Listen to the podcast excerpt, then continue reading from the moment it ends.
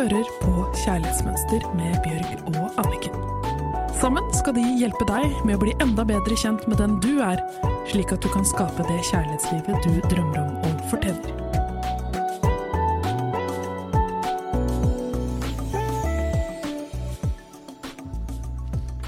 Da sitter vi her i studio. Tre spente, glade damer som har hver sin mikrofon foran munnen. Og vi er klare for å løse et kjærlighetsmysterium som jeg har foran meg, som skal lese opp høyt. Altså, jeg fikk så vondt inni meg når jeg leste dette her, og alle vi tre som sitter her, har opplevd lignende ting selv. Så hold deg fast og følg med. Jeg er en jente på 33 år med to barn. Jeg har det siste halvannet året truffet en mann. De første, den første måneden var han varm, kjærlig, åpen, interessert, trygg, lyttende og morsom. Høres helt fantastisk ut. Jeg tenkte at dette er min person, her føler jeg meg hjemme. Vi ble etter hvert kjærester på hans initiativ, men kort tid etter merket jeg at han trakk seg unna meg, og ble avvisende. Det kunne gå dager uten at vi snakket sammen, en uke uten at vi så hverandre, til tross for at vi bor fem minutter unna hverandre, og han så verken meg eller mine behov. Jeg forsøkte gjennom flere samtaler å uttrykke hvordan denne avvisningen fikk meg til å føle meg. Og det svaret jeg fikk, var at han ikke fortjente meg, og at han ikke var god nok for meg, men at jeg var den han ville ha, og at han var lei seg for at han ødela for seg selv og for meg ved å avvise. På tross avvisningen fortsatte, både fysisk og følelsesmessig, til tross om lovnader om bedring. Det var en helt forferdelig og uholdbar situasjon for meg å stå i, så jeg endte motvillig i forholdet, selv om jeg elsket han. I tiden etter, ca. ett år, har han vært varm og kald om hverandre. Når jeg slipper han inn i livet mitt igjen, går det noen uker før han påbegynner prosessen med å avvise meg igjen for så å komme gråtende tilbake etter to måneder fordi han savner meg. En evig runddans med håp og avvisning. Nå har vi oppført oss som kjærester i to og en halv måned, men uten å prate om situasjonen vi er i, og jeg kjenner at jeg bare venter på neste avvisning. Jeg forsøker forgjeves å ha samtale med han om dette, men når jeg forteller han hva jeg trenger, drømmer om og ønsker, så forblir han taus. Når jeg spør han hva han føler og har behov for, svarer han 'jeg vet ikke', og samtalen ender. Hvordan skal jeg komme meg ut av denne onde sirkelen? Jeg sårer meg selv mer for hver runde jeg velger å bli med på. Fra å ha kjærlighetssorg i første runde, så føler jeg nå, ett år etter, også på en skam og en svakhet fordi jeg slipper en mann inn i livet mitt gang på gang på gang, til tross for at han ikke møter mine behov tanken på at jeg er god nok for øyeblikket, men ikke god nok til å bli værende for en trist og provoserende. Og jeg ønsker et bedre kjærlighetsliv for meg selv. For vet du hva? Det syns jeg faktisk at jeg fortjener. Har dere noen råd? Mitt favoritt kjærlighetsspråk, det er når ord samsvarer med handlinger. Det elsker jeg. Dette blir vi skuffet over veldig ofte. Det er det hun snakker om. Han lover ting, og så handler han ikke slik. Han sier noe, men gjør noe annet. Men veldig ofte så driver vi med det selv. Fordi at hvis vi ser under linjene på hva hun har skrevet, så sier hun at hun ønsker seg og fortjener et bedre kjærlighetsliv, og det gjør hun.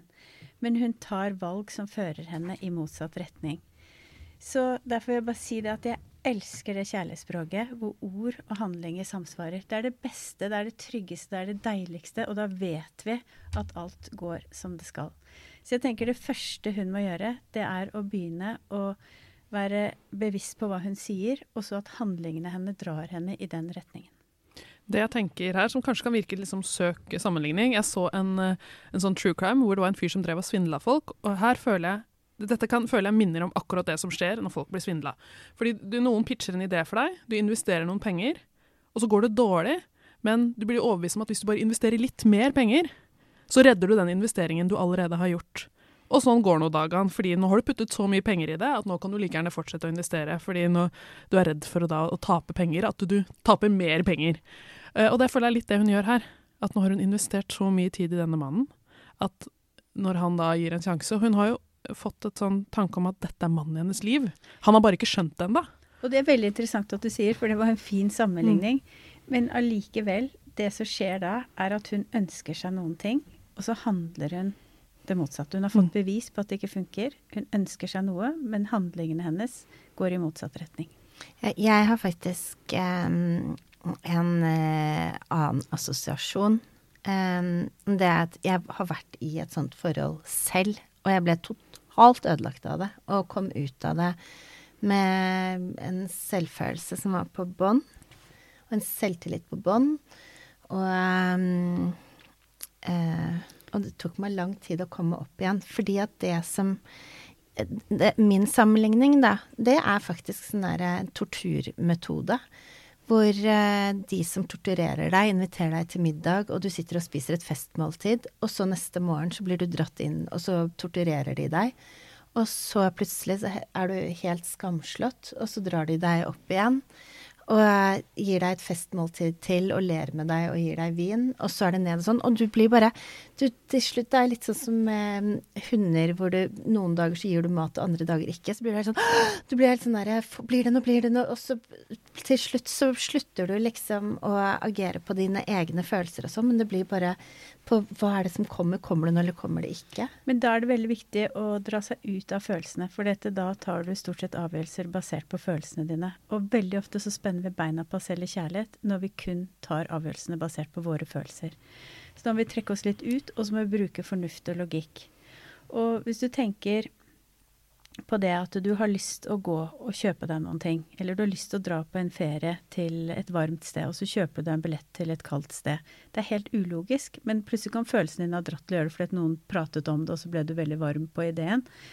Men vi er nødt til å Det er litt som å eh, gå inn i en butikk som bare selger appelsiner, og så be om eh, en skrutrekker. Eller det som jeg alltid pleier å bruke med mine kunder. Altså du går på Jernia og spør om de har ferskbrød eller boller. De selger ikke der. Så det er liksom at vi må begynne å bli bevisst hva er det vi egentlig driver med. For én ting er at vi kan føle oss at vi blir lurt eller vi blir torturert. Men det er greit, vi må ut av den følelsen, og så må vi se hva er det egentlig som skjer. Jo, jeg ønsker meg kjærlighet, men jeg sier ja takk hver gang noen kommer og gir meg bare bitte lite grann smuler, og ikke kan love meg noen ting som virkelig går i den retningen jeg ønsker meg. Og jeg tenker på det når du med et lite barn, den tryggeste og beste barneoppdragelsen er når du sier noen ting til dem, og så handler du deretter. Det gjør oss så glad og trygge. Og det samme må vi gjøre med oss selv, for det er mye av den ulykkeligheten vi kjenner på i kjærligheten, er at vi ønsker oss noen ting, men så sier vi ja takk til en annen type tilbud som kommer. Og da er ikke ordene og handlingene våre de, sam de er ikke i samsvar. Og da kan vi ikke bli glad og trygge, fordi at vi vil noen ting, men gjør noe helt annet mot oss selv.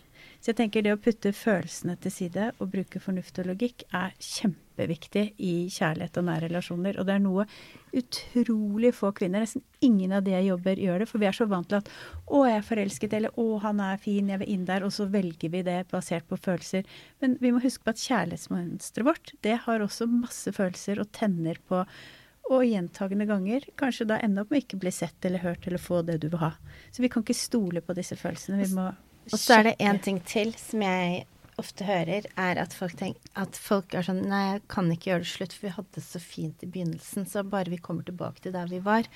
Og jeg leser jo at han eh, var eh, varm, kjærlig, åpen, interessert, trygg, lyttende og morsom de første månedene. Og da tenker du sånn Ja, men da hadde jeg det så bra. Og så tenker du bare jeg går inn i det igjen. Men så skriver hun også Hun bruker både ordet ond sirkel og runddans.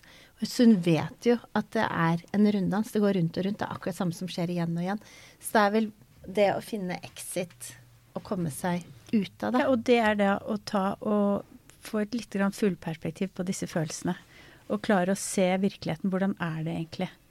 Å akseptere det. Igjen, dette med aksept er så sinnssykt viktig. Og ikke leve det håp som du sier. Jeg også hører så mange som sier ja, men vi hadde det jo kjempefint, eller han er utrolig fin der, men det andre funker ikke i det hele tatt. Ja, men det er helheten. Vi må akseptere helheten. Men jeg tror problemet er også at uh, når man er i et sånt forhold over tid, og da kan jeg snakke ut fra egen opplevelse, er at når man er i et sånt forhold over tid, så tror man etter hvert at man er så lite verdt fordi at den andres handlinger tilsier at du er egentlig verdiløs når de ikke gidder å ringe deg, når de ikke gidder å besøke deg, når de behandler deg dårlig, så sier jo han med sine handlinger at du er ikke verdt noen ting. Så etter hvert så begynner man å tro på det.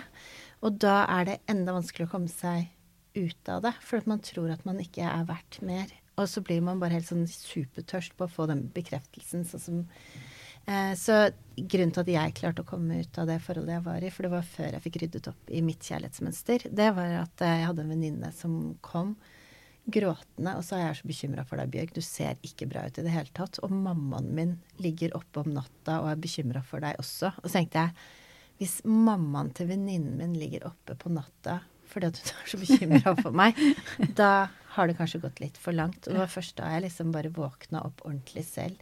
For at du har det så grusomt. Men du går Men bare det som er inn i en interessant da, når sånn du sier at jeg våknet opp, hva var det du gjorde da? Da la du jo nettopp følelsene litt på is, og så begynte Mm. du å våkne opp og begynte å bruke litt fornuft og logikk og ten tenke mer ut fra en voksen, omsorgsfull foreldreperson i deg selv. ikke sant? Hva Mm. Ja. er det beste for meg nå? Jeg ser at dette ikke er bra. Ja, for jeg var et eh, voksent barn, Mm. og da var det fordi at jeg ikke hadde jobbet med mitt indre barn. Så når jeg da eh, begynte å jobbe med mitt indre barn og så det indre barnet mitt, så tenkte jeg hvis jeg var min egen datter, så ville jeg aldri tillate min datter å være i et sånt forhold hvor hun ble behandla så dårlig. Så jeg tror det var det som skjedde, at jeg tenkte den tanken. Og så begynte jeg for alvor å eh, jobbe med mitt kjærlighetsmønster etter det. Så på en eller annen måte så var det også en gave, for det vekket meg at jeg tenkte hvordan kunne jeg la meg selv bli behandlet så dårlig? Sånn i ettertid når jeg ser på det, så tenker jeg bare hvordan kunne jeg la det skje? At jeg trodde at jeg var så verdiløs, liksom. At jeg kunne la et annet menneske behandle meg så dårlig. For da blir vi så utrygge, ikke sant. Og så ser vi egentlig her at det hun gjør, er jo at det er ikke samsvar det hun sier og det hun gjør. Og da blir hun jo utrygg. Hun er utrygg i seg selv. Og så speiler det seg alltid utenfor oss selv, og da tiltrekker vi oss mennesker og situasjoner. Så det som egentlig skjer, er at andre mennesker og situasjoner blir unnskyldninger for det som foregår inni oss. Og I tillegg så føler hun jo også på skam og svakhet, som gjør på en måte vondt til verre fordi hun har sluppet han inn igjen. Men det er jo som du sier, hun, jo se, hun ser jo hele tiden glimt av den mannen hun vil være sammen med, som han liksom slipper ut innimellom for å holde henne der. Og jeg, jeg tror hvis du skammer deg og føler at du er svak, så er det enda vanskeligere å komme ut av den situasjonen uh, man er i, fordi da på en måte har man mislykkes. Men jeg, jeg tror man ikke skal tenke på det den måten. Nei, og så hørte jeg faktisk en psykolog som sa noe veldig vakkert. Og han sa det er veldig lett å se en kvinne som er elsket. Og det, det tenker jeg at eh, er egentlig en veldig fin eh, Et fint bilde på hvordan man skal bli behandlet. Så som jeg sa, at jeg så ikke ut i den perioden jeg var sammen med han. Jeg visnet. Og så har jeg her to blomster foran meg som er to kvinner som er elsket. Og um, kjærlighet skal ikke gjøre vondt. Det skal ikke gjøre vondt. Det er Det er en bok som heter ja. 'If it hurts, it isn't love'. Og det er så sant. og Vi er så feillærte der. Og det er noe vi har pratet om helt fra første episode. Det er disse vedhengene vi har tatt oss med på veien av hva vi har trodd er kjærlighet. Sånn som når vi snakket om den eh, filmen med hun som ble krenket. Og hvordan da hun fortsatte å oppsøke krenkelse. For det var hennes vedheng. Hun trodde at kjærlighet skulle gjøre vondt. Men det er bare feillæring. Ekte kjærlighet alle som har opplevd ekte kjærlighet, vet at det er bare raust, varmt, deilig, lett. Bare godt. Så hvis man ikke har kjærlighetsmønsteret sitt i orden, sånn som jeg ikke hadde, så er det altså bare å høre på disse episodene og gjøre alle oppgavene og hige etter og få et godt kjærlighetsmønster. For eh, kjærlighet skal ikke gjøre vondt. Jeg vet at forhold går opp og ned, og det er hverdagsproblemer, og det er sykdom, og det er familie, og det er masse ting. Men kjærlighet, det båndet, hvordan skal det være? Det er bare godt. Og det Kjærlighet sier en kvinne som nå har vært gift i Nå har vi vært gift i tolv år. Ja, og hun er like lykkelig og glad og blomstrer. Fordi og Ava skal straks gifte seg. Så um, dere to er et eksempel på at um, jeg og innsenderen og alle andre som er i forhold som gjør vondt, hvor du ikke føler at du er bra nok. Det er ikke du som ikke er bra nok, det er forholdet som ikke er bra nok. Det er fravær av kjærlighet. Du opplever ikke kjærlighet, men fravær av kjærlighet. Så det er ikke kjærligheten som gjør vondt, men det er fraværet av kjærligheten. Akkurat. Så da vil jeg gjerne at du skal fortelle ukens oppgave. Ja, fordi jeg er så veldig opptatt av dette her at det vi opplever, det skjer gjennom oss, og ikke utenfra og mot oss.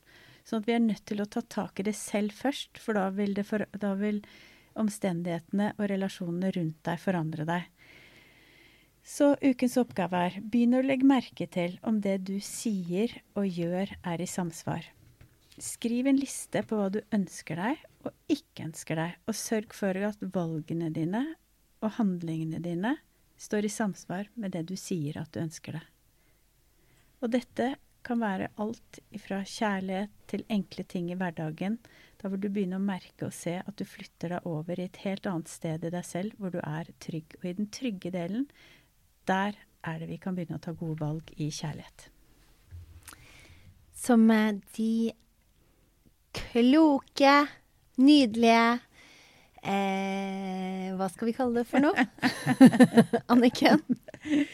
Vi ønsker dere bare en herlig uke, helg og dag videre. For det fortjener du. Punktum.